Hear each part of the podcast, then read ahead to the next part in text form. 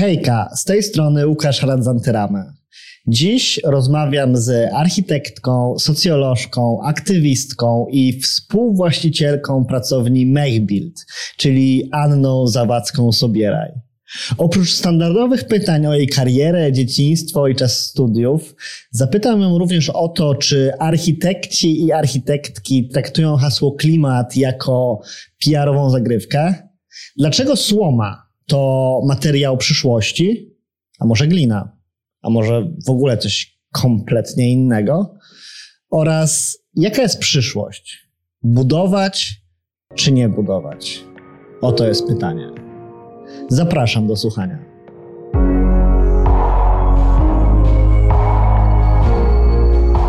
Słuchasz programu Pobudki, czyli rozmów o początku kariery, czasie studiów, dzieciństwie oraz marzeniach i zajawkach zawodowych ze znanymi osobami z branży kreatywnej. Program powstaje przy współpracy z magazynem Architektura i Biznes oraz kwartalnikiem Rzut.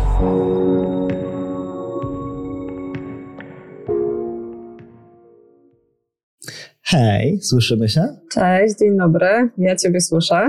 Myślałem, od czego chciałbym zacząć tą rozmowę z Tobą, i w sumie chyba od y, newsa wczorajszego architektoniczno-urbanistycznego, który chyba zdominował tak naprawdę przez chwilkę rozmowy e, ludzi z branży kreatywnej, czyli o złożeniu przez prezydenta ustawy do Sejmu odnośnie odbudowy Pałacu Saskiego w Warszawie. Zastanawiam się, co na ten temat myślisz, bo, bo wydaje mi się, że trochę brak opinii póki co na ten temat pojawia się w sieci i nie tylko w sieci. Czy może SARP już też jakieś stanowisko wobec tego wszystkiego ma? Jak, jaka jest Twoja w ogóle e, sympatia bądź antypatia do tego, że, że prawdopodobnie w 2023 zaczną ten pałac Saski odbudowywać. E, czy SARB, zarząd główny, wydał jakieś stanowisko? Nie wiem. Natomiast oddział warszawski, e, którego jestem członkinią i jestem w tegorocznej kadencji w zarządzie, e, opinii nie wydawał, bo wczoraj mieliśmy, jak to raz w miesiącu, dość długie obrady do późna i były one na wiele innych tematów. Też moim zdaniem budowa pałacu, ja myślę, że my mamy znacznie poważniejsze problemy i będziemy w nie wchodzić coraz głębiej i w roku 2023 będą jeszcze bardziej obecne i, w dyskusji publicznej i w otaczającej nas rzeczywistości. Także ja bym wolała, żebyśmy się zajmowali naprawdę pilną kwestią naszej zmiany, jeśli chodzi o, o działania na rzecz klimatu i wydaje mi się to znacznie ważniejsze niż odbudowa pałacu. Ale to widzę, że się tutaj w, tym, w tym kontekście idealnie zgadzamy. No ale dobra, zostawmy tą politykę na bok, chociaż pewnie w jakimś, jakichś momentach będziemy do niej wracać, bo, bo jednak klimat, to słowo będzie, będzie w tej rozmowie myślę, że bardzo mocno wybrzmiewać, więc jednak... I bardzo jest powiązane z polityką. I dokładnie, jest bardzo powiązane z polityką, więc, więc pewnie ta polityka gdzieś tu będzie gościć w naszej rozmowie, ale chciałbym przejść do ciebie. I tytułujesz się architektką, socjolożką i aktywistką. I zastanawia mnie to, e, jak to się u ciebie łączy? Wiesz, mi się to w głowie łączy, mi się to w głowie łączy fantastycznie, ale pewnie łączy się trochę inaczej niż tobie. E, I każda taka indywidualna definicja jest chyba zdecydowanie bardziej ciekawa niż jakaś taka moja wewnętrzna, jakbym sobie miał zdefiniować świat. Też po to są te rozmowy, żeby każdy definiował ten świat przez pryzmat siebie, więc mm, zastanawiam się, jak ty to odbierasz, e, czym to dla ciebie jest i dlaczego akurat takie połączenia, a nie inne. Oczywiście przejdziemy w rozmowie do rozbijania tego, kiedy pojawia się architektura, kiedy socjologia. Na razie bardziej mnie interesuje właśnie, jak ty odbierasz ten miks, czym on dla ciebie jest. No właśnie, e, bardziej te, te, te, kategorie opisu, które wymieniłaś, to jest po prostu opis mojej drogi życiowej, e, bardziej niż po prostu tego, że zajmuję się konkretnie aktywizmem, socjologią i architekturą. Aktywizmem i architekturą zajmuję się na co dzień. E, socjologia jest w to wszystko wpleciona, bo, bo uważam, że architektura, ona musi służyć ludziom, służyć społeczeństwu e, i rozpatrywanie jej w kontekście, w którym nie jest ona połączona z socjologią, dla mnie jest po prostu uboższe. Także socjologia też wzięła się u mnie z tego, że w rozczarowaniu e, pracą w pracowniach architektonicznych, nie samą pracą, bo była ona bardzo ciekawa i w ciekawych konfiguracjach i w ciekawych pracowniach. Natomiast e, to, jak, e, jak działa proces budowlany, jak bardzo jest niepołączony z rzeczywistością i z realnymi potrzebami, to skłoniło mnie, żeby zająć się socjologią i żeby w ogóle odrzucić architekturę na pewien czas. Potem okazało się, że to się łączy, a wszystko razem wynikało też z moich różnych aktywistycznych działań, gdzie czułam potrzebę, żeby robić coś dla otaczającego mnie świata, a nie tylko zajmować się swoją, mm, jakąś swoją potrzebą i swoim po prostu działaniem e, we własnym życiu. Więc to wszystko połączyło się w taki miks. Zrobiłaś taką fantastyczną zajawkę teraz. Ja jestem bardzo ciekawy, jak to właśnie było, jak to, jak to po prostu się układało, ale do tego zaraz przejdziemy. A projektowanie? Czym ono dla ciebie w takim razie jest? No bo jeżeli to się ułożyło w taki miks, ale jesteś jakby, nie powiedzieć, czynną projektantką, prawda? Czynną, czynną architektką, więc czym obecnie dla ciebie jest projektowanie? I czy w zasadzie słowo projektowanie zawiera w sobie również nieprojektowanie na przykład, w kontekście tego, że wciąż, wiesz, no nie wiemy, czy należy budować, czy nie należy budować. No, no tak, jest to, jest to dylemat, natomiast jeśli już projektuję, to staram się projektować odpowiedzialnie. I dla mnie jest to bardzo ważna część projektowania, to znaczy nie jest to tylko forma dla formy, dla estetyki, tylko staram się, żeby e, rzeczywiście to czemuś służyło, tak? Czuję, czuję ciężar odpowiedzialności zawodu architekta, bo wydaje mi się, że, że ta odpowiedzialność też w obecnej dobie jest już tak widoczna. Przemysł budowlany odpowiada za gdzieś ponad jedną trzecią odpadów czy zużycia energii. W związku z tym projektować tylko dlatego, żeby coś cieszyło oko, wydaje mi się to już bardzo nieadekwatne do obecnych No właśnie, bo to, to, jest moje kolejne pytanie. Jak ty to odbierasz? Czy faktycznie, czy faktycznie architekci, architektki są aktywnie zaangażowani, zaangażowane w przeciwdziałaniu katastrofie klimatycznej? Czy w znacznej większości jest to jakiś taki PR-owy gest?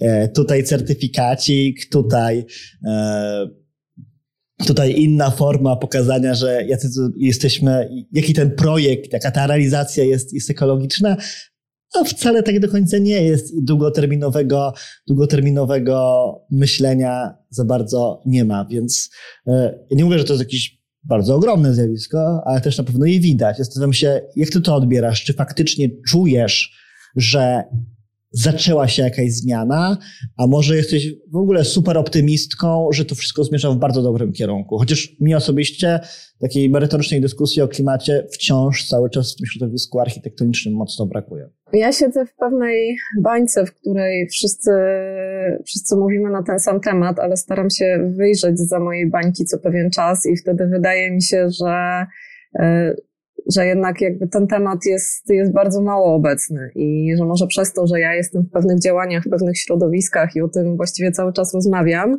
to mam nadzieję, że sytuacja idzie ku lepszemu. Natomiast y, w jakimś takim globalnym procencie yy, wydaje mi się, że, że cały czas tych osób, które są świadome, które chcą E, działać na, na rzecz zmiany sytuacji jest po prostu za mało. I dopiero kiedy przekroczymy jakąś masę krytyczną, to ta zmiana może nastąpić, bo jeśli będziemy pojedynczymi osobami, które działają w, no, w różnych środowiskach, ale, ale póki co e, w niewielkim gronie, to jak to ma się stać? Natomiast e, muszę przyznać, że, że też mam styczność z sporą grupą osób, architektów, którzy są świadom, świadomi, którzy robią fantastyczne rzeczy, którzy e, edukują, którzy działają na rzecz klimatu. E, chociażby nasze koło architektury zrównoważonej e, przy OWSAR.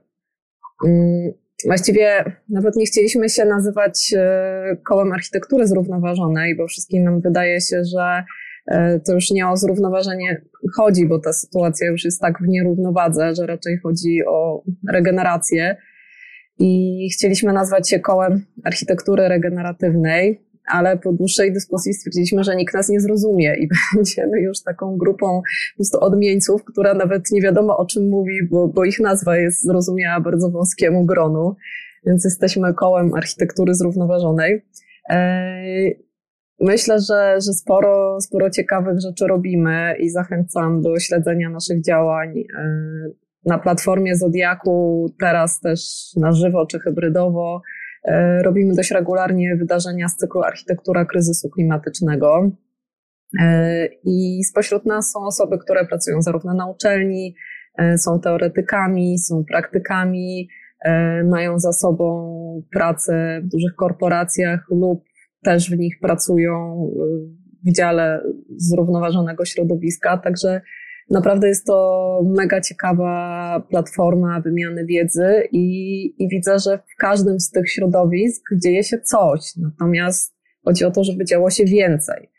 I wracając do Twojego pytania, greenwashing to chyba jest taka popularna praktyka, bo jak czasami widzę zielone osiedla deweloperskie, które z zielenią nie wiem, co mają wspólnego, może zielony kolor folderu, to, to robi mi się przykro, ale to też się będzie zmieniać, bo e, Unia wprowadza przepisy dotyczące taksonomii, czyli finansowania inwestycji zrównoważonych środowiskowo i studiuje to właśnie. Tam są bardzo, bardzo szczegółowe kryteria, które będą e, definiowały inwestycje zrównoważoną środowiskowo i właściwie Zostało już niewiele czasu, kiedy będzie można pod to podciągnąć wszystko inne, byleby po prostu, nie wiem, było trochę bluszczu na elewacji albo jakiś tam drobny element, już można powiedzieć, że jesteśmy eko. No właśnie, żeby wiesz, że się boję, żeby nie stało się tak jak z rewitalizacją, prawda? To też była idea fantastyczna. Ja kocham rewitalizację, ale co stało się z rewitalizacją w Polsce, Mm, jest to trudny temat, prawda? No tutaj co stanie się w Polsce, to zobaczymy, ale, ale dążenia unijne są takie, żeby doprecyzowywać ramy y, inwestycji ekologicznych, tak żeby nie dało się tam wcisnąć czegoś innego. Jak również dążenia są takie, żeby z czasem inwestycje, które nie są zrównoważone środowiskowo, i to chodzi tutaj E, nie tylko o mm, nieszkodzenie i adaptację do zmian klimatu, ale chodzi też o jakiś pozytywny wkład i on też jest istotnym e, punktem tej oceny, czyli musimy coś zrobić jeszcze dla środowiska, a nie tylko mu minimalnie zaszkodzić. E, więc to, to jakby idzie coraz dalej. Te, procesy, te, te przepisy też będą mm, się jeszcze doprecyzowywały i mam nadzieję, że mm, w Polsce będą brane pod uwagę, no bo przepisy przepisami, ale jeszcze rzeczywistość jest taka, że, że musi to wejść, być przestrzegane i być istotne. Mówisz w zasadzie, że nie jest tak źle, ale też nie jest dobrze, prawda? Że to jest taki, taki stan pomiędzy, że są bańki faktycznie, w których w których można zaobserwować, że to się dzieje dość aktywnie. I ja też to, ja też to tak widzę, że faktycznie są takie bańki. I myślę, że też w takiej bańce niestety żyję, że widzę, że, że, że, że osoby wokół mnie faktycznie o ten temat dbają, troszczą się o niego i chcą działać, ale faktycznie też mam świadomość, że poza tą bańką też dzieje się bardzo, bardzo dużo złego. I, i zastanawiam się, czy to trochę nie jest tak, może mnie sprostujesz, że właśnie ten SARP pojawił się dlatego u ciebie, żeby trochę ten temat, czy to budownictwa naturalnego, czy klimatu, wprowadzić jeszcze bardziej do mainstreamu. No bo ja śledząc twoją karierę, śledząc od pewnego czasu to, co robisz, no to ja właśnie uwielbiam to w tobie, w twoich działaniach i też mech buildów, e, że to jest autentycznie szczere, nie? że tutaj nie ma liczenia co, jak, gdzie, tylko naprawdę chodzi o klimat, chodzi o naturę, chodzi o, o to, żebyśmy, żebyśmy mm, przetrwali, myśleli, jak, jak, to, jak to zrobić. I czy z tego pojawił się ten SARP, że faktycznie zarząd, zarząd SARP-u warszawskiego, jeszcze dodatkowo skarbniczka, tak. czyli trzymasz, trzymasz kasę, nie dasz kasy, jak będzie coś, coś przeciwko mm, tak, tym ideom, czy, czy, jednak, czy jednak się mylę? E, nie, nie mylisz się, bardzo trafna uwaga. SARP po raz pierwszy zapukał do mojego życia na etapie dyplomu. Mój dyplom był nominowany do Nagrody Roku i za to też jakimś takim wyróżnieniem było zaproszenie do SARP-u, bo zaproszenie do SARP-u nie jest automatyczne, tylko podpisuje go, podpisuje to zaproszenie kilku członków. E, natomiast ja wtedy zastanawiając się, czy, czy wstąpić, czy nie wstąpić, stwierdziłam, że ja tam zupełnie nie widzę pola dla siebie i po prostu nie ma to dla mnie żadnego sensu.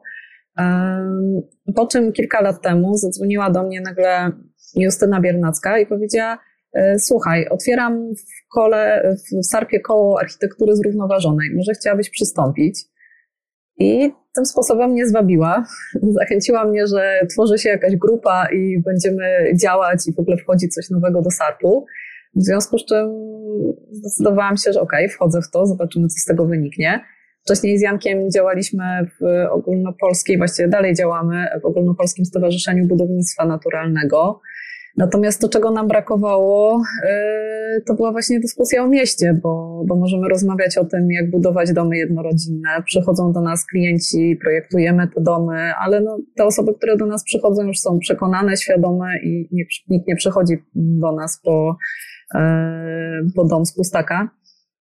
Natomiast chciałam właśnie jako mieszkanka centrum miasta przez całe życie y, zacząć też działać w środowisku miejskim i była to idealna okazja.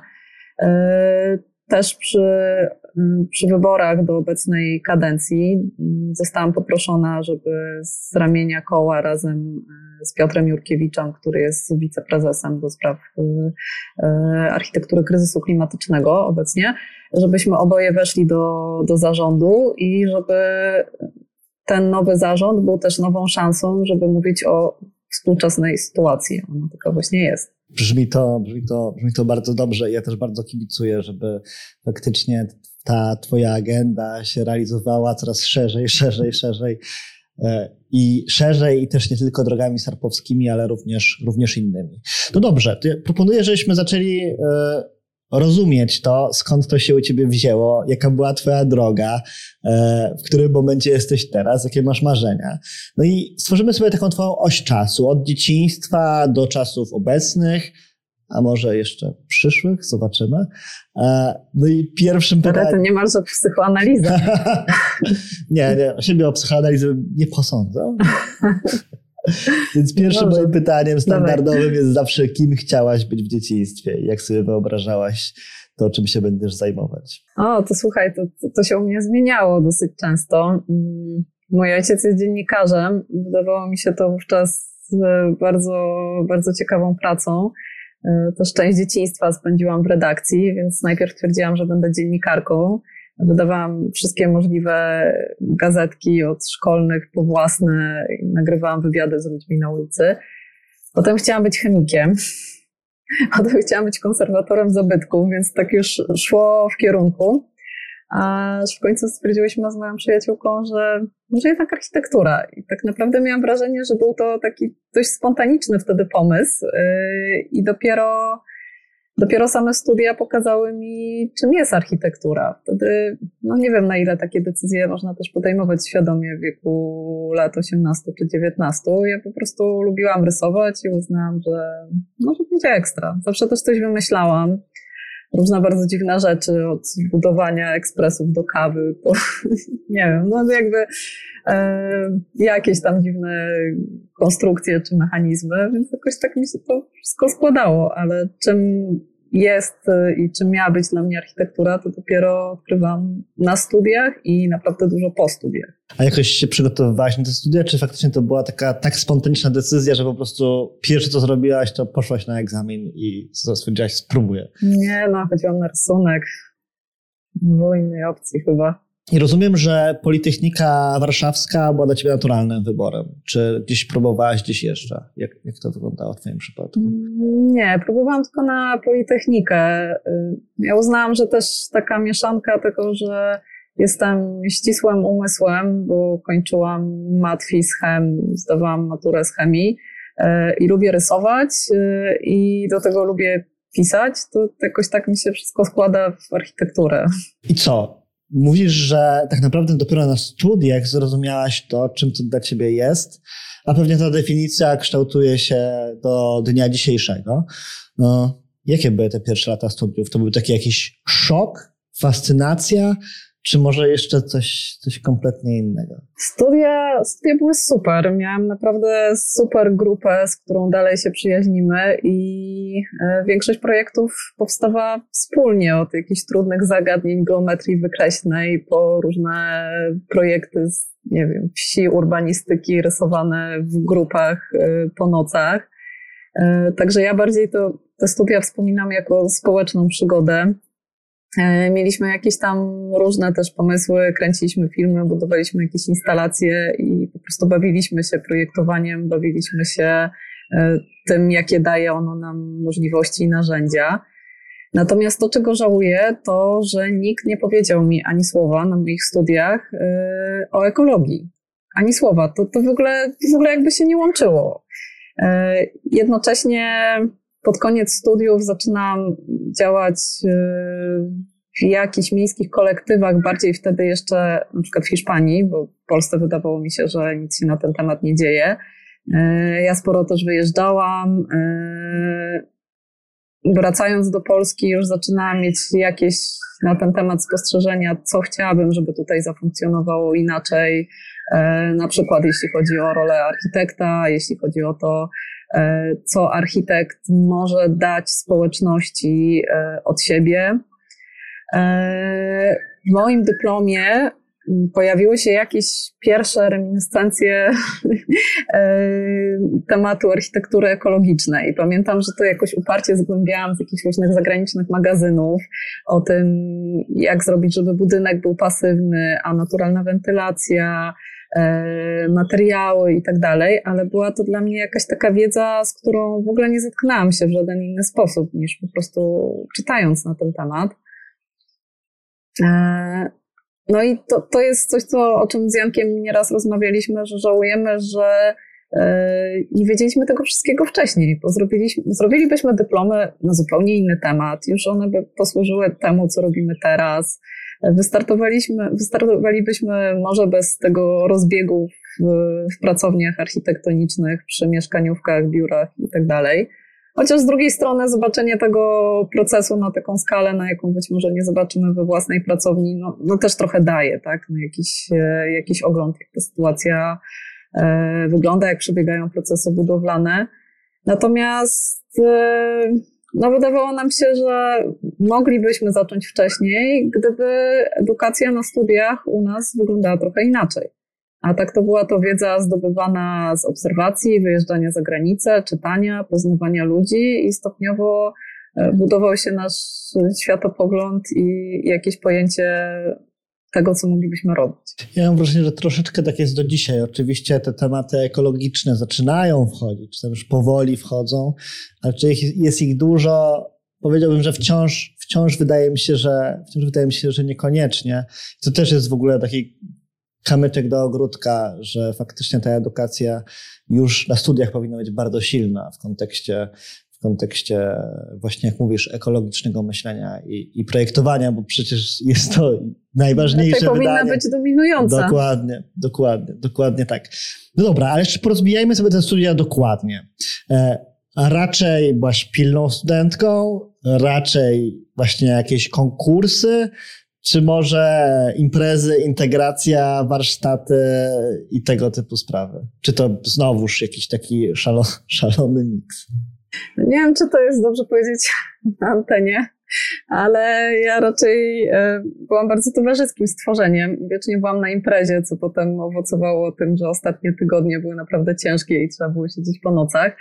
Ale też starałam się, żeby e, to, co wychodzi spod mojej ręki, może jakoś była zadowolona, żeby, żeby te projekty były fajne, więc z jednej strony dużo mojej energii schodziło na życie towarzyskie, a z drugiej strony dużo mojej energii schodziło na to, żeby, żeby od siebie coś fajnego wyprodukować.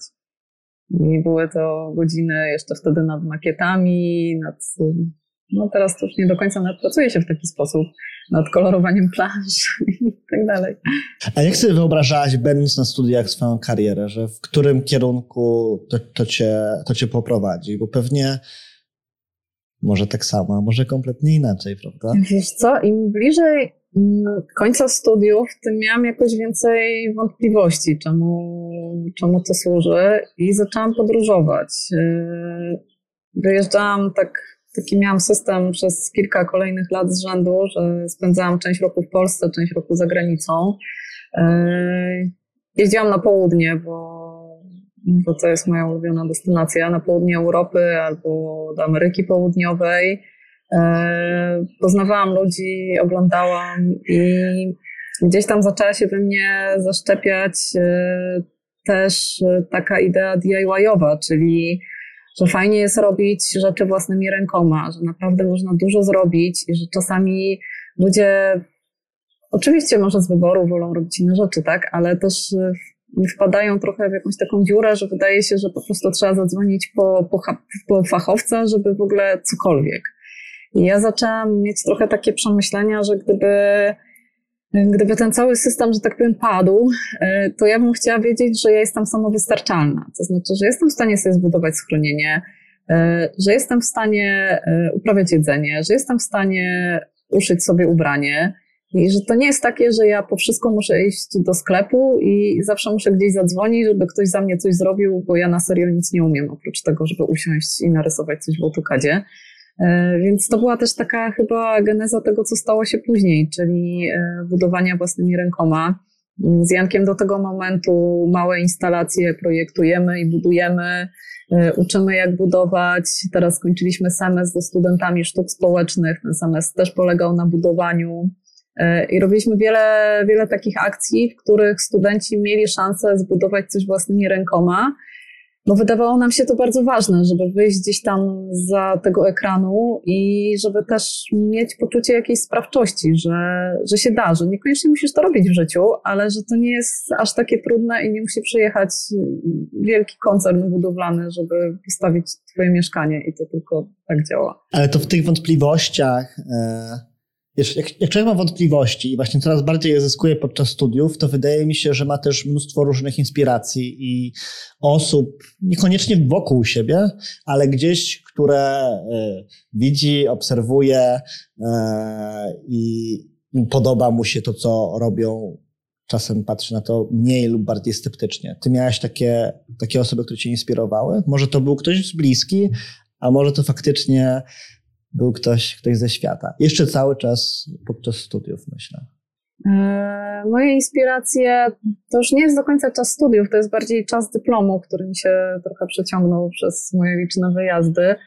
E, to były właśnie osoby, które poznawałam w trakcie wyjazdów. Na przykład w Ekwadorze poznałam fantastyczną grupę architektów, którzy e, pracowali na faweli, e, projektując z mieszkańcami zmiany w tej faweli. Tam pamiętam, że takim problemem były pożary, e, więc oni szukali jakiegoś materiału, który byłby lokalny, który, e, który dla tych osób nie byłby czymś obcym i wiedziałyby też, jak z nim postępować, ale jednocześnie byłby zabezpieczony pożarowo. I tam, tamtejszy Wydział Architektury dzięki działaniom jednego z profesorów otworzył taką mini manufakturę, w której produkowali e, elementy z bambusa, które mogły być konstrukcyjne i które były zabezpieczone pożarowo, czy jakieś tam panele bambusowe. W sposób taki bardzo, bardzo prosty, bardzo tani. E, wytwarzali też tam pierwszy raz pamiętam, widziałam coś takiego jak e, farby gliniane, i następnie to wszystko było używane w trakcie budowy, która działa się z mieszkańcami, ich rękoma, a projekt y, i fachowców, którzy pomagali, e, a projekt powstawał właśnie poprzez taką konsens, poprzez konsensualny proces między, między architektami a mieszkańcami. E, to było dla mnie super inspirujące. Widziałam w wielu miejscach y, domy zbudowane przez mieszkańców, z tego, co wyrzuciło morze, z tego, co pozyskali w jakiś tam sposób, czy, czy chociażby jaskinie na południu Hiszpanii, w których tradycyjnie od wieków mieszkali ludzie i które są dla mnie um, najbardziej ekologicznym miejscem do mieszkania, tak naprawdę, bo po prostu wchodzisz do istniejącej jamy w ziemi, która działa termicznie idealnie w tamtych warunkach e, i robisz coś własnymi rękoma, używając lokalnych materiałów. To, to chyba były właśnie, właśnie głównie tego typu inspiracje. Też za granicą poznałam mm, osoby, które pierwszy raz mi powiedziały o architekturze z użyciem kostki słomy. Mm, to wtedy e, rozkręcały się w Polsce warsztaty kohabitatu, to już był jakiś tam późniejszy czas, powiedzmy 10 lat temu. I tak naprawdę za granicą dowiedziałam się o tym, że coś takiego, co działo się w Belgii, w Niemczech, we Francji, zaczyna dziać się w Polsce i tym sposobem pojechałam na pierwsze warsztaty. Mhm. To w ogóle brzmi jak taka faktycznie odkrywanie, chłonięcie i, i, i te podróże w Twoim wykonaniu brzmią jakby faktycznie, faktycznie dały Ci całą masę masę różnych, zróżnicowanych doświadczeń, a, a przy okazji oczywiście inspiracji. No to, to Ci jeszcze powiem jedno zdanie, tak a propos, bo, bo na razie mówiłam Ci o jakichś małych formach i, i budowaniu własnymi rękoma, natomiast dla mnie też e, bardzo inspirujące było to, co się działo w Hiszpanii. E, swego czasu studiowałam tam przez chwilę socjologię i okazało się, że jest tam tylu specjalistów, którzy też są społecznie aktywni, którzy tworzą oddolnie różne organizacje, którzy tworzą kolektywy miejskie, negocjują z miastem, naprawdę naciskają na miasto i starają się coś zmieniać.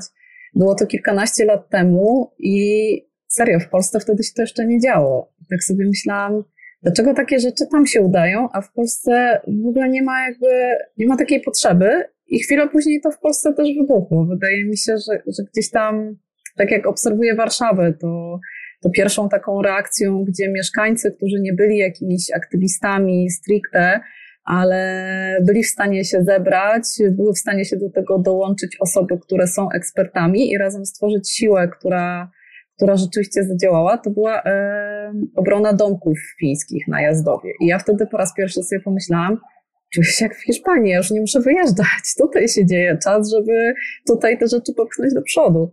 Ale to poczekaj, do, do doprecyzujmy sobie to. Rozumiem, że e, zanim zrobiłaś dyplom, to wyjeżdżałaś bardzo aktywnie. E, kiedy ta socjologia się pojawiła? To już było po studiach mm, architektonicznych? To już było po dyplomie. Po dyplomie. To na początek sobie rozbijmy, to na początek sobie rozbijmy twój dyplom, bo o nim już trochę wspomniałaś że to było wyróżnienie sarpowskie i tak dalej. I w takim razie, co dokładnie na ten dyplom robiłaś? Jak, i, bo wiesz, bo ten dyplom, to często jest tak, że ty, ty jak odpowiedziałaś, że on był w kierunku ekologicznym. Yy, ja mam takie wrażenie, że tak się dzielą dyplomy, że co ludzie robią na dyplomach, że albo robią rzeczy, którymi potencjalnie w przyszłości się będą zajmować, albo są totalnie do szuflady. I widzę, że w Twoim wypadku to był ten proces, proces tworzenia, e, budowania w sobie tej ekologicznej architektury. Ale właśnie, co to było dokładnie? E, o czym ten dyplom był? Mm, robiłam teatr tańca w Warszawie, w okolicach Warszawianki. To są takie mm, dosyć zielone tereny, ale no od strony ulicy Puławskiej zabudowane. I chciałam, żeby właśnie ten teatr był w przyrodzie, żeby scena otwierała się na park, żeby teatr działał w lecie na, na jakby na obie strony. Był też taką formą, w której w ogóle było sporo zieleni.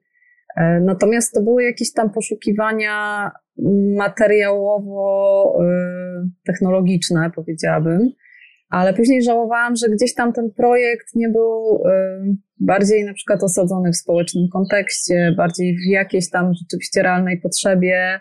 E, ja wtedy akurat tańczyłam, uważałam, że wiem coś na ten temat, chcę zrobić zielony budynek, chcę coś zrobić od tańcu. Zrobiłam pod kierunkiem fantastycznego e, wykładowcy Andrzeja Miklaszewskiego, z którym naprawdę to była po prostu czysta przyjemność e, chodzić do niego na zajęcia i, i robić ten dyplom. Ale no właśnie takie mam refleksje po latach, że gdzieś tam jednak my poszliśmy bardzo radykalnie w, w tym kierunku i że chętnie bym to po prostu zaczęła wcześniej. Także teraz mówię studentom, Słuchajcie, naprawdę bierzcie się do roboty. Teraz jakby ta wiedza jest wszędzie wokół i nie trzeba się tak strasznie, strasznie starać. No ale tak, no, no jakby jest to jakaś tam droga. Ja też uważam, że mm, nasza droga z Jankiem, która doprowadziła nas do, do punktu, w którym jesteśmy, no po prostu wiodła przez różne punkty programu, również takie jak e, duża pracownia, czy jak taki bardziej konwencjonalny dyplom. No właśnie. No i co się działo w takim wypadku po studiach? Dalej byłaś w rozjazdach, dalej e, jakby tak punktowo zaczepiałaś się w różnych miejscach, bo to jest zawsze taki moment, że ludzie zaczynają myśleć, hmm, co zrobić, co zrobić ze swoim życiem. W twoim przypadku było tak samo, czy kompletnie inaczej?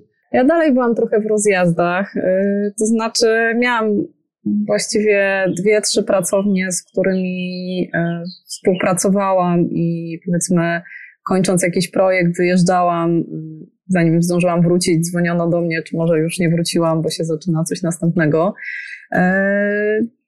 To były pracownie, w których tak od strony takiej technicznej dużo się nauczyłam. Jedną z tych pracowni była hiszpańska pracownia, więc to też dla mnie było fajne, żeby pracować tutaj z Hiszpanami i żeby, e, żeby używać sobie tego języka na co dzień. Mm, natomiast no, to nie było to, czego chciałam, w związku z czym po jakimś tam kolejnym projekcie wyjeżdżałam dalej i zastanawiałam się, co zrobić. Pracowałam też za granicą. Pracowałam na uniwersytecie w Argentynie, e, pracowałam w Brazylii w pracowni architektonicznej w Sewilli. I też te, te moje wątpliwości doprowadziły mnie do studiowania socjologii. Ja tam robiłam drugi stopień, więc to, to było raptem dwa i pół roku zaocznych studiów. Um, wyjechałam też na część studiów do Hiszpanii i jakby tą ścieżką dalej doszłam do Stowarzyszenia Odblokuj, które było mieszanką architektów, urbanistów, socjologów z podobnymi wątpliwościami jak ja. Widziałem twój, e, znalazłem, szukając research, robiąc o tobie przed programem, to doszedłem do tego okresu e, wyjazdów chyba hiszpańskich. Prowadziłaś wtedy blog na blogspocie w TWFT, prawda? Jeszcze 2000. No tak, nie, to w Argentynie wtedy byliśmy. W Argentynie, okej, okay, okej, okay, okej. Podlinkuję go potem, są śliczne zdjęcia, ja, ja, po, ja polecam bardzo serdecznie. Ale to tylko część, bo my to jakoś zarzuciliśmy w pewnym momencie. Okej, okay, nie wiedziałam, że to jeszcze jest znajdowane. Jest, jest, jest. Nie było to łatwe, nie było to łatwe, ale... muszę, muszę spojrzeć, co tam jest. E, no dobrze. I pojawiło się Stowarzyszenie Odblokuj, które rozumiem, że też e, w zasadzie, jak, jak, bo nie byłaś w zarządzie, prawda? Raczej działałaś, działałaś e, wokół stowarzyszenia przy jego akcjach, jak rozumiem, tak? Tak, działam przy, przy różnych kolejnych projektach. Robiliśmy społeczną rewitalizację podwórek, e, robiliśmy kolejne pawilony M3, M4. Ja pracowałam przy, przy jakichś tam działaniach, warsztatach w tych pawilonach. E, w pewnym momencie byłam też członkinią stowarzyszenia, ale to już, już był bardziej schyłek od bloku, bo, bo potem Marlena już poszła inną drogą. E, to znaczy prezesa SARP-u i oddziału warszawskiego i mm, architekta Warszawy, architektki. E, natomiast e, wiesz, ja też takie miałam poczucie, że z jednej strony coś jest nie tak, bo ja jakoś tak nie jestem w stanie wejść w tę ścieżkę, w którą wchodzą wszyscy po studiach i byłam naprawdę serio czasami zaniepokojona, że może to ja mam jakiś problem ze światem. I ilekroć odkrywałam właśnie takie grupy, wtedy jeszcze głównie za granicą, potem Odblokuj było pierwszą taką grupą w Polsce, którą odkryłam, ludzi, którzy mają podobne wątpliwości, to tak uspokajałam się, dobra, jest okej, okay. czyli to nie ze mną jest coś nie w porządku. Co więcej, da się z tego znaleźć jakąś drogę życiową. Jakby, bo też szukam też punktu zaczepienia w tym wszystkim, w tym trochę, trochę chaosie, który, który gdzieś próbuje, próbuje się z nim, nim złapać. I było dużo chaosu, bo wszystko, wiesz, mi się tak nie, nie zgadzało.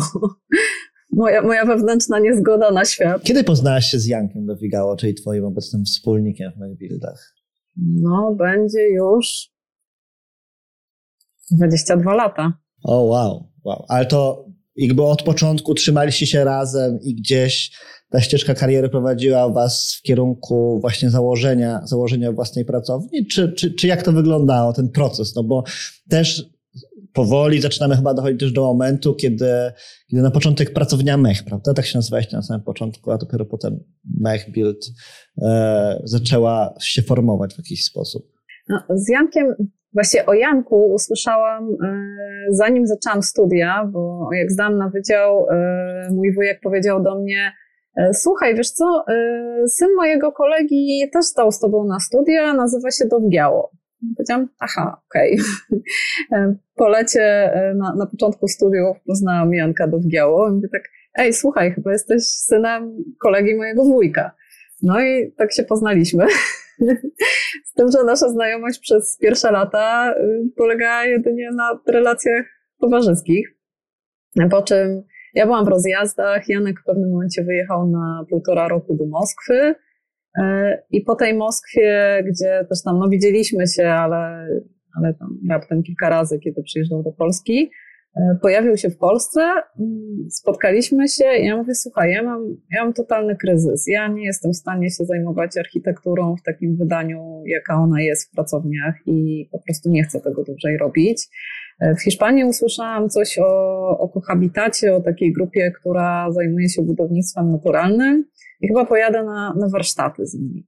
Janek powiedział, no co ty, ja rzuciłam Moskwę, bo nie byłam w stanie wytrzymać e, na budowie centrum handlowego i w ogóle nie zamierzam tego nigdy więcej w moim życiu robić i właśnie jadę na te same warsztaty. No i pojechaliśmy na te warsztaty.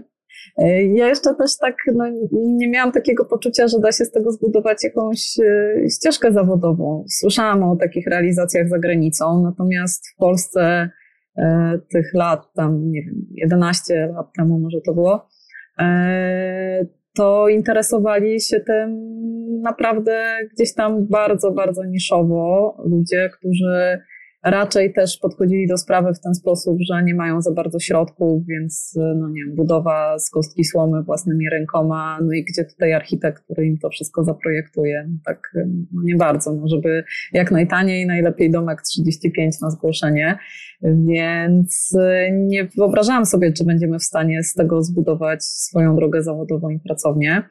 Natomiast pamiętam taki moment na tym wyjeździe, kiedy wszyscy usiedliśmy w kręgu, tak chyba wyglądają spotkania y, różnych grup, gdzie, gdzie ludzie wychodzą, przychodzą tam z problemami.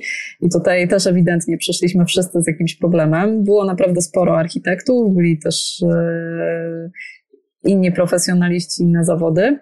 Usiedliśmy w tym kręgu i każdy po kolei powiedział, dlaczego tutaj jest. każdy z architektów po kolei powiedział, słuchajcie, ja nie chcę robić tego, co dotychczas robiłam, bo wydaje mi się, że to niczemu nie służy, że to jakby nie jest dla ludzi, nie jest dla, dla klimatu, nie jest nawet miastotwórcze za bardzo, tylko y, bardziej jest to po prostu dyktando tabelek w Excelu i, i wyciąganie pumu do granic możliwości, jakby w ogóle po co się tym zajmować w życiu.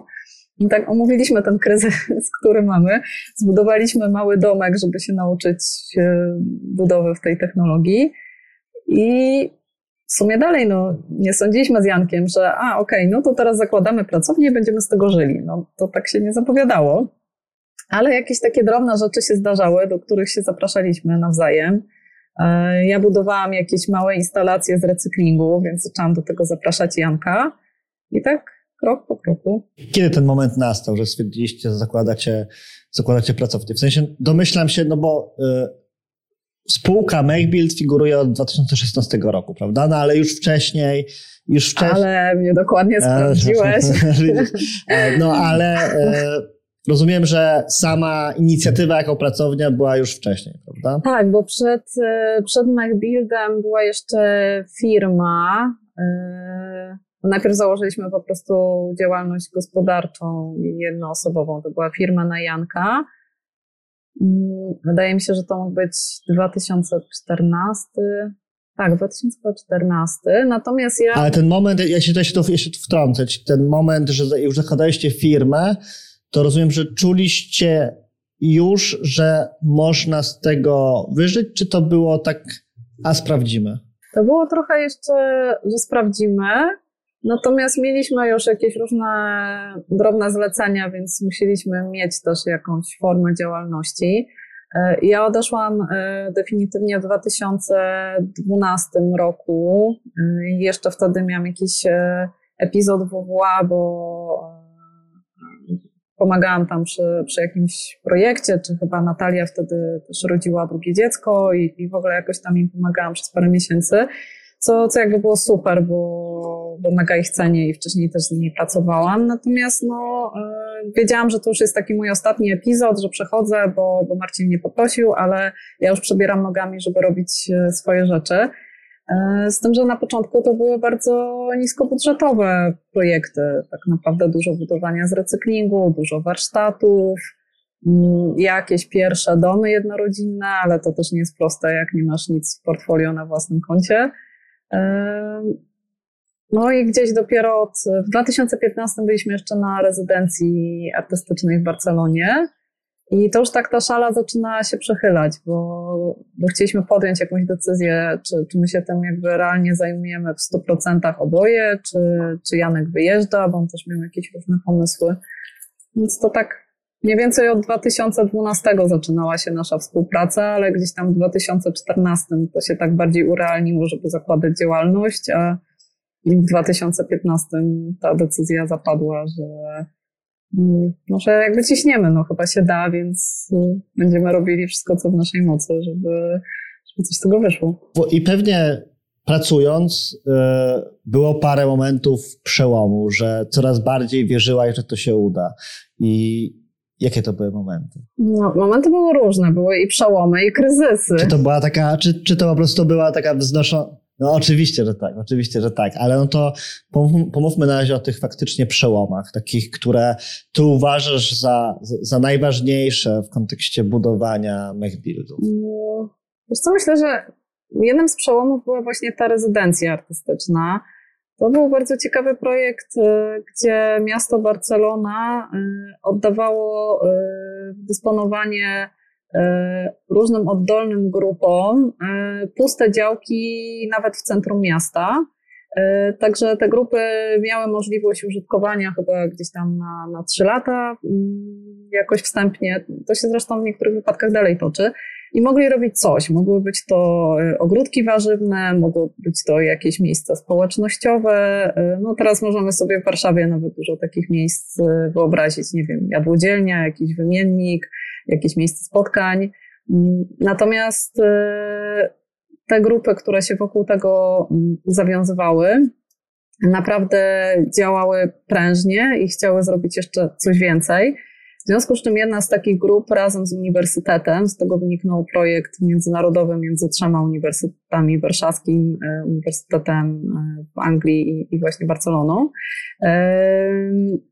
jakby zdecydowali się y, rozpisać taki konkurs i ściągnąć y, eksperta, artystę od sztuki partycypacyjnej, tak to się nazywało, żeby z nimi pobudować więcej i żeby tak y, zrobić więcej szumu wokół tego projektu, bo, bo tam też chodziło o to, żeby była druga pusta działka, której miasto nie chciało w żaden sposób dać społeczności w jakiekolwiek użytkowanie. I to była jedyna zielona działka w ogóle w okolicy, w, w dzielnicy Ejszampi. E, I mieszkańcy bardzo naciskali, żeby zamiast zabudowy, która miała się pojawić, e, był tam właśnie ogólnodostępny teren zielony, czy nawet teren zielony z jakąś zabudową, ale po prostu też, też dostępną społecznie. Mm, no i ja napisałam na ten temat e, jakiś tam pomysł, projekt, Pamiętam, że też tak myślałam sobie, no dobra, pewnie jest spora konkurencja, my też nie jesteśmy artystami do końca. To był taki trochę artystyczny projekt, a, a trochę socjologiczny projekt. I napisałam tak po prostu wszystko, co czuję i myślę na ten temat. I wygraliśmy to. I sobie pomyślałam, e, tak jak miałam właśnie różne, różne wątpliwości, na ile gdzieś tam będzie zapotrzebowanie na te nasze działania i jak zobaczyłam, jak oni bardzo się cieszą, że przyjeżdżamy. Mieliśmy tam naprawdę fantastyczny czas, zbudowaliśmy taki, e, no, zbudowaliśmy małą rzecz, ale zbudowaliśmy coś, z czym mogliśmy krążyć po okolicy. E, to był mobilny ogród warzywny służący do zajmowania przestrzeni, które byłyby potrzebne społeczności, w których można by nadać jakieś życie właśnie społeczne, które są nie wiem, niedostępne, zamknięte, przeznaczone na coś innego. Robiliśmy mnóstwo warsztatów wokół tego. I, I pomyśleliśmy sobie, że, że ta nasza, nasza wiedza i nasze umiejętności e, to są jakieś takie narzędzia, gdzie możemy zdziałać dużo fajnego i że to naprawdę ma sens, więc to był jakiś taki kop energii. Plus oczywiście mnóstwo inspiracji, bo poznaliśmy innych architektów, inne kolektywy, które, które pracowały w podobny sposób w mieście. Mm. Następnego. Gdzieś tam na pewno pierwsze takie większe zlecenia na domy jednorodzinne, gdzie faktycznie był na to, na to budżet, a jednocześnie klient był bardzo zdecydowany, że chce, żeby to były materiały naturalne, żeby to była e, na przykład, żeby to było na przykład drewno, kostka słomy, tynki gliniane, e, wszystkie jakieś tam zabudowy i tak dalej robione indywidualnie, też z drewna. No jakby same naturalne wykończenia, mm, łącznie z tym, że, że oni też chcieli ekranować instalacje, chcieli, no jakby chcieli, żeby ten dom był taki możliwie zdrowy, komfortowy, oddalony od promieniowania środków chemicznych i w ogóle czegokolwiek. I był to akurat to zlecenie, o którym myślę, było pierwszym z takiej serii i od tego momentu zaczęli się u nas pojawiać klienci, którzy po prostu chcieli mieszkać y, w zdrowym środowisku, chcieli mieć dom, który będzie przyjazny dla ich, y, dla ich dzieci i będą mieli poczucie, że jeśli już coś muszą budować, to zrobili coś dobrego, a nie coś, coś złego. Też mamy różnych klientów, którzy albo sami przychodzą z takim pomysłem, albo też my ich po drodze trochę namawiamy, E, to znaczy, żeby minimalizować tę przestrzeń, że jeśli już coś trzeba budować, to, to nie musi być to kolejny wielki dom. Mieliśmy też takich fajnych klientów, którzy naprawdę zbudowali mały domek i powiedzieli, słuchajcie, no chcemy, żeby nasze dzieciaki e, na razie to miały małe pokoiki, do których wchodzą przez szafę, jak w Alicji w Krainie Czarów bodajże, a potem jak będą potrzebowały więcej przestrzeni, to im zbudujemy domek na drzewie i będzie, wystarczy. Mówiłaś też o, o, o kryzysach i zastanawia mnie to, skoro znacie się już od tak długo z Jankiem, to wiesz jak to jest. Zdecydowanie łatwo się pokłócić. I czy jesteście zawsze zgodni? Czy jednak to jest jakaś taka walka? Czy mieliście jakiś taki większy kryzys w kontekście właśnie e, personalnym między sobą, relacji związane z wspólną pracą? Jakiś taki moment przepalenia? Czy jednak nie? Chyba taki jedyny kryzys taki, że naprawdę się pokłóciliśmy, to mieliśmy właśnie w Barcelonie, bo pracowaliśmy tam bardzo dużo. Ten projekt był mega intensywny i właściwie cały czas byliśmy po uszy w nim, bo pracowaliśmy z tą lokalną społecznością, z którą jeśli akurat nie projektowaliśmy albo nie jakby nie przyglądaliśmy się trochę, jak to tam wszystko działa, albo nie budowaliśmy, nie pozyskiwaliśmy materiałów, czy nie robiliśmy warsztatów, no to i tak byliśmy z nimi, bo, bo też zaprzyjaźniliśmy się, spędzaliśmy po prostu czas razem, więc e, gdzieś tam cały czas ten, ten projekt był w nas, a jednocześnie mieszkaliśmy razem, mieliśmy wspólne pieniądze, jeden klucz do domu na początku, a okazało się, że też nasze systemy pracy są trochę inne i ja lubię jednak w pewnym momencie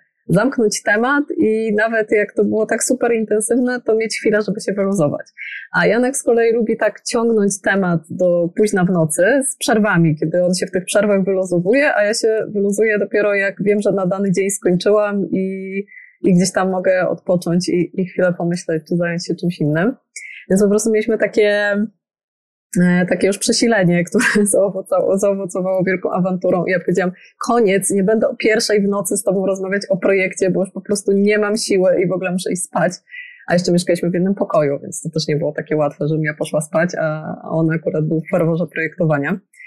E, ale oprócz tego, no, jak to w relacji z drugą osobą. Czy jeszcze, jeszcze podczas Twojej pracy też e, pojawił się taki, chyba z takich większych inicjatyw, e, sklep z e, odzieżą i nie tylko, prawda? Wear Coop to się nazywało bodajże?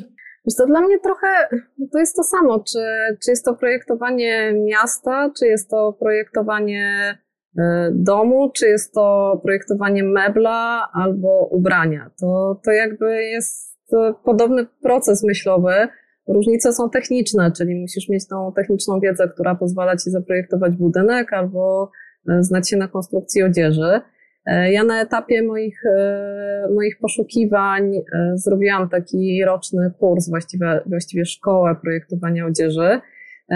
I tak patrzyłam, w którą stronę mi się to wszystko przechyli. Czy ja będę bardziej architektem, czy może jednak to w pewnym momencie porzucę i, i będę projektować ubrania, czy, czy gdzieś tam będę się obracać wokół na przykład tematów związanych z socjologią miasta.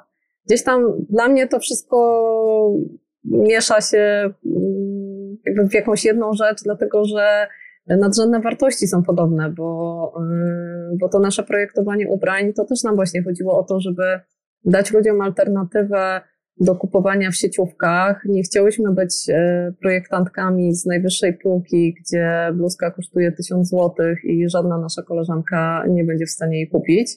E, chciałyśmy, żeby oczywiście to, to były wyższe ceny niż sieciówki, natomiast żeby to były możliwie takie dostępne ceny. E, przy czym szyłyśmy z recyklingu, więc każda rzecz była inna niż wszystkie kolejne, dlatego że przerabiałyśmy, miałyśmy mnóstwo materiałów, to był głównie wkład jeden, jednej z koleżanek, ale też ludzie nam mnóstwo materiałów przynosili tak naprawdę. Mm, I nawet jeżeli był jakiś powtarzalny krój, to po prostu każda rzecz była inna i robiona indywidualnie. E, ja też byłam ciekawa takiej, e, takiej formy działania jak spółdzielnia socjalna, czyli takiego trochę innego modelu. Nas było sześć e, wyjściowo. I była to, była to bardzo ciekawa przygoda, natomiast ona się zakończyła po dwóch latach z różnych względów. Mianowicie moja szala przechyliła się w stronę architektury, bo my cały czas pracowaliśmy y, z Jankiem też.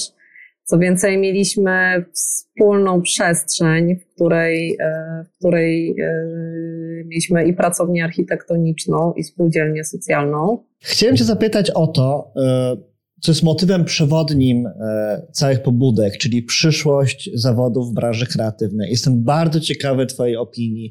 Jak myślisz, w którym kierunku ta, te zawody będą szły? Czy to będzie raczej jakiś taki kierunek zdecydowanie bardziej technologicznie, e, technologicznie mm, pobudzony, czyli, no, czyli sztuczna inteligencja, automatyzacja i tak dalej, i tak czy jednak zbliżymy się, zbliżymy się w kierunku natury zdecydowanie bardziej? Mm, wiesz, ja myślę, że z jednej strony e, to będzie automatyzacja i, i to będzie wszystko bardziej technologiczne niż jest w tej chwili. Ja zresztą E, nie mam nic przeciwko, żeby e, część mojej pracy wykonywała się trochę za mnie sama, no bo mówmy się, są różne czynności, które robi architekt, które nie wymagają gdzieś tam wielkiej wiedzy i są już automatyczne, żeby w pewnym momencie obrobić rysunki do jakiegoś tam stopnia.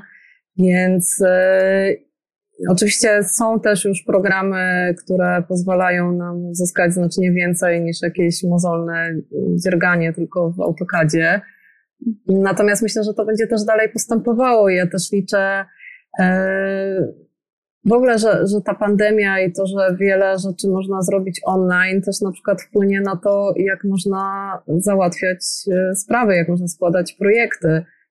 Weszły elektroniczne wnioski do pozwolenia na budowę, natomiast ja też po prostu bym chciała już nie, nie produkować tej papierowej dokumentacji, tych wszystkich poprawek od ręki i tak dalej. I mam nadzieję, że że to będzie gdzieś tam szło w takim kierunku i że mniej mojej energii będzie szło na te wszystkie takie czynności wokół obrobienia, e, złożenia i, i tak dalej. E, natomiast, że gdzieś tam architekt będzie bardziej potrzebny, żeby, żeby doradzić klientowi, żeby poprowadzić go jakąś właściwą ścieżką, niż tylko mm, jakby skupić większość swojej energii na kwestiach e, technicznych byle właściwą ścieżką. To, to, jest, to jest najważniejsze, prawda? A jak myślisz, jak będziemy budować? Bo też jest bardzo ciekawe, czy faktycznie doczekamy się jakiejś poważnej rewolucji w kontekście materiałów budowlanych, czy zwrócimy się w kierunku tych bardziej naturalnych, czy może pójdziemy faktycznie w to, co teraz dzieje się z betonem, czyli jest ten beton wzbogacony grafenem, czy beton, który w znacznej części e, ma w sobie zrecyklingowany plastik. No jakby różne próby są i widzę, że od tego betonu to za bardzo odkleić się jako, jako branża też nie chcemy. E, no znowuż ja, ja wierzę w obie ścieżki, dlatego że no nie jesteśmy w stanie zbudować wszystkiego z drewna i nie będę nikogo do tego namawiać, bo no po prostu nie starczy zasobów.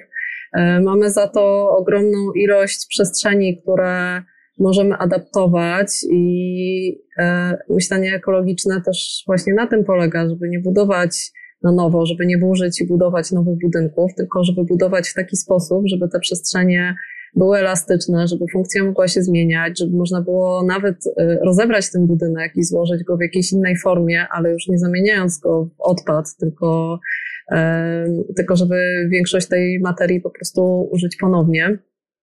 E, także myślę, że że gdzieś tą przyszłością jest cyrkularność i w tej cyrkularności są dwa obiegi. Jeden obieg to jest biologiczny obieg i tu są wszystkie materiały naturalne, które po prostu po swoim cyklu życia e, wracają do natury, tak jak e, drewno, czy, czy słoma, czy glina, czy inne produkty na bazie materiałów naturalnych, ale no już w pewien sposób e, przetworzone, czyli zbudowaną energią, energią takie na przykład jak wełna drzewna. E, a drugą ścieżką e, jest taki obieg technologiczny, gdzie te materiały też są używane, powiedzmy sobie, w nieskończoność, że nie do końca w nieskończoność, ale im bardziej w nieskończoność, tym lepiej, bez degradowania ich do tego, że w kolejnym cyklu już nie mogą być, nie wiem, użyte jako materiały budowlane albo mogą być użyte tylko do czegoś, tak jak, no nie wiem, teraz budujemy z recyklingu, to przeważnie jest jednak e, jakiś taki low grade tych, tych materiałów, aż postanie się odpadem finalnie. Mm, także tu myślę, że jest e, mega pole do, do wynalazków i do nowych materiałów, do nowych technologii opartych na, nie wiem, algach, grzybach, przetwarzaniu odpadów, których mamy mnóstwo. I mam nadzieję, że to będzie szło w takim kierunku.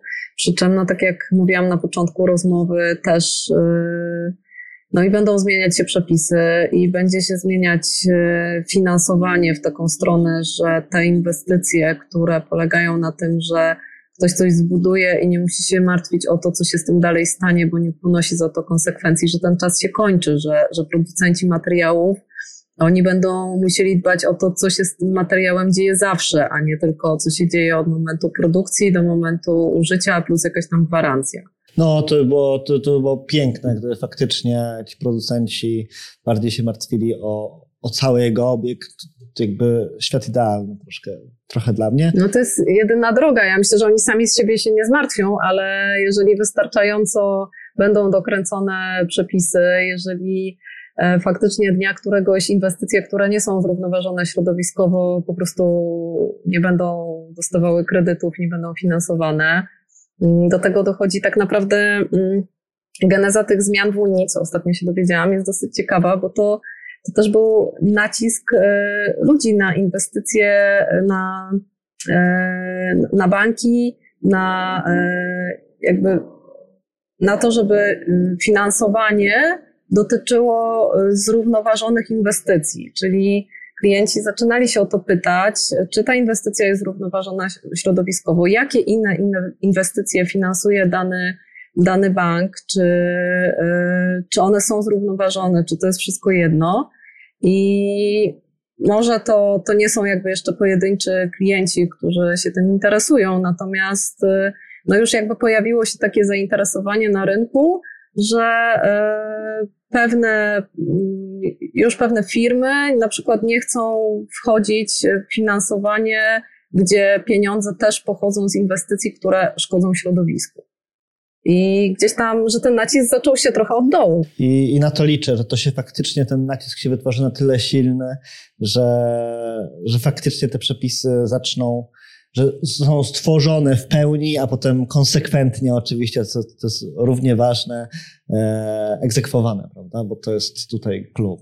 Przepisy mogą być fantastyczne, ale jak są martwe, no to, to są martwe po prostu najwyżej na świecie. No, na pewno musi iść to w parze z edukacją i z, ze wzrostem świadomości i wtedy też ludzie sami zaczynają dopominać się pewnych regulacji, czy rozumieją skąd one się wzię wzięły i i chcą postępować wedle jakichś tam reguł. No. Idzie to opornie, ale jednak jakoś tam idzie. Ja myślę, że na, na przestrzeni ostatnich lat w Polsce też dokonuje się spora zmiana tak naprawdę w świadomości. Napełniasz mnie trochę nadzieją w tym kontekście, że faktycznie, ja się zgadzam, że to, że to idzie opornie, ale faktycznie idzie i to jest, to może jest, będzie taki, wiesz, wykres nie taki, tylko taki po prostu, że w pewnym momencie to po prostu wystrzeli i, i dużo się zmieni po prostu w naszym społeczeństwie, no bo to przede wszystkim, przede wszystkim o tą zmianę społeczną chodzi, prawda? To tego się trzymajmy, że jednak będzie coraz lepiej. Na sam koniec już rozmowy mam do ciebie ostatnie trzy pytania. Jaki jest twój ulubiony projekt własny? Jaki jest mój ulubiony projekt własny? Hmm. Szczerze mówiąc, bardziej niż e, projekty, takie obiekty konkretne, które zaprojektowaliśmy. Nie, nie, nie, to może być wydarzenie, może być działanie, absolutnie to może być co chcesz. To jakby projektem, powiedzmy, że on ma dla mnie bardzo szeroką definicję. Nie wiem, czy znajdę w tym momencie ulubiony. Mam chyba parę ulubionych. E, bardzo lubię nasze działania, w których mamy szansę edukować i pokazać większej grupie ludzi naszą drogę myślenia i czymś może ich zarazić. I tutaj, e, tutaj jest parę rzeczy, które robiliśmy od eksperymentalnego domku w Potoczku, gdzie przez nasze warsztaty i budowę e, to robiliśmy też z Weroniką Siwiec, która, która była organizatorką całej akcji. My byliśmy projektantami domku i, i byliśmy tam na warsztatach. E, I przewinęło się przez te warsztaty chyba z 80 osób, właśnie głównie studentów architektury.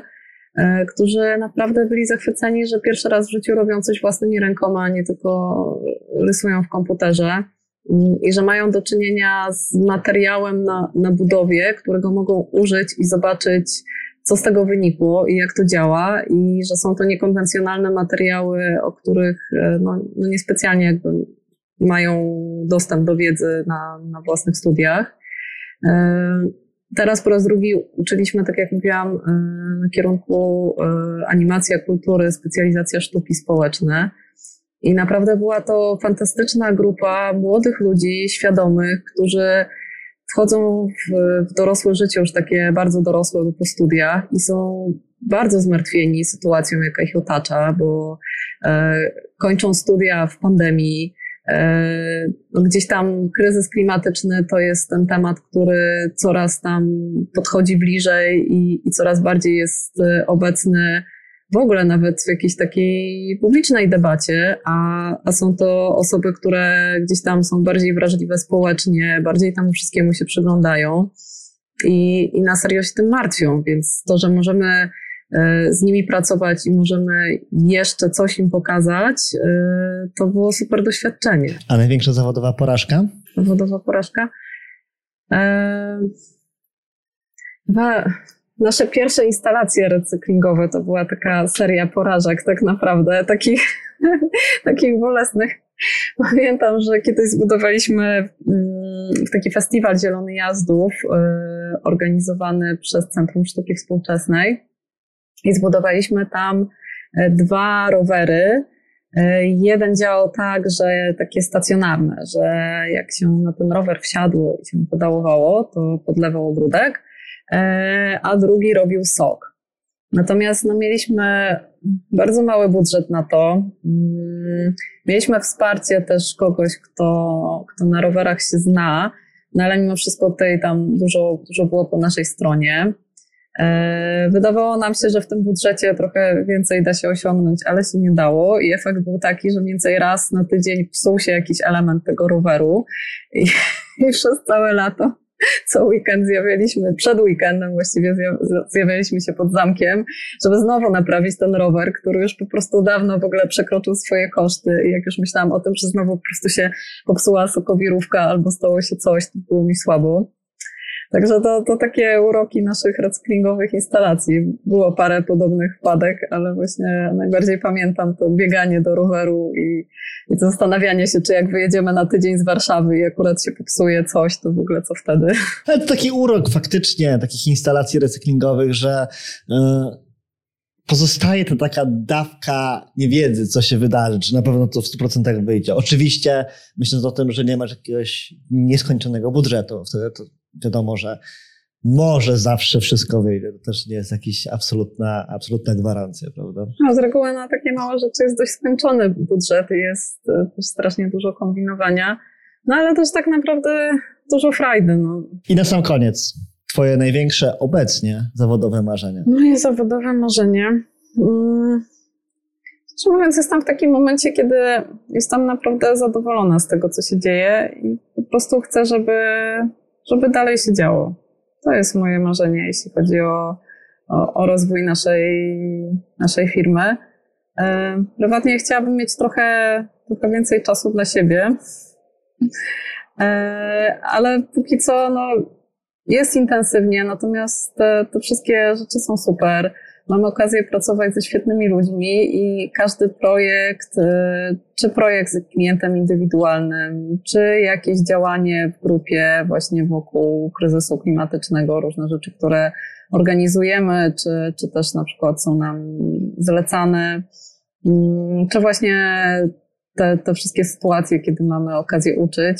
Naprawdę każdy z tych y, projektów jest po prostu świetną przygodą z fajnymi ludźmi, jest super. Ja ci tego życzę w takim razie, żebyś miała trochę tego czasu dla siebie, ale żeby też się działo, ale też życzę ci tej wciąż, tej wielkiej energii, która bije, bije od ciebie w związku z tym, czym się zajmujesz i żeby ta agenda, którą sobie przyjęłaś do realizacji, czyli e, wprowadzenie gdzieś tam w, w mainstream tematów związanych z ekologią czy budownictwem naturalnym, żeby to się, się udało i wyszło przede wszystkim poza nasze bańki, bo to chyba jest najbardziej kluczowe, żeby faktycznie to się po prostu rozpełzło po wszystkim.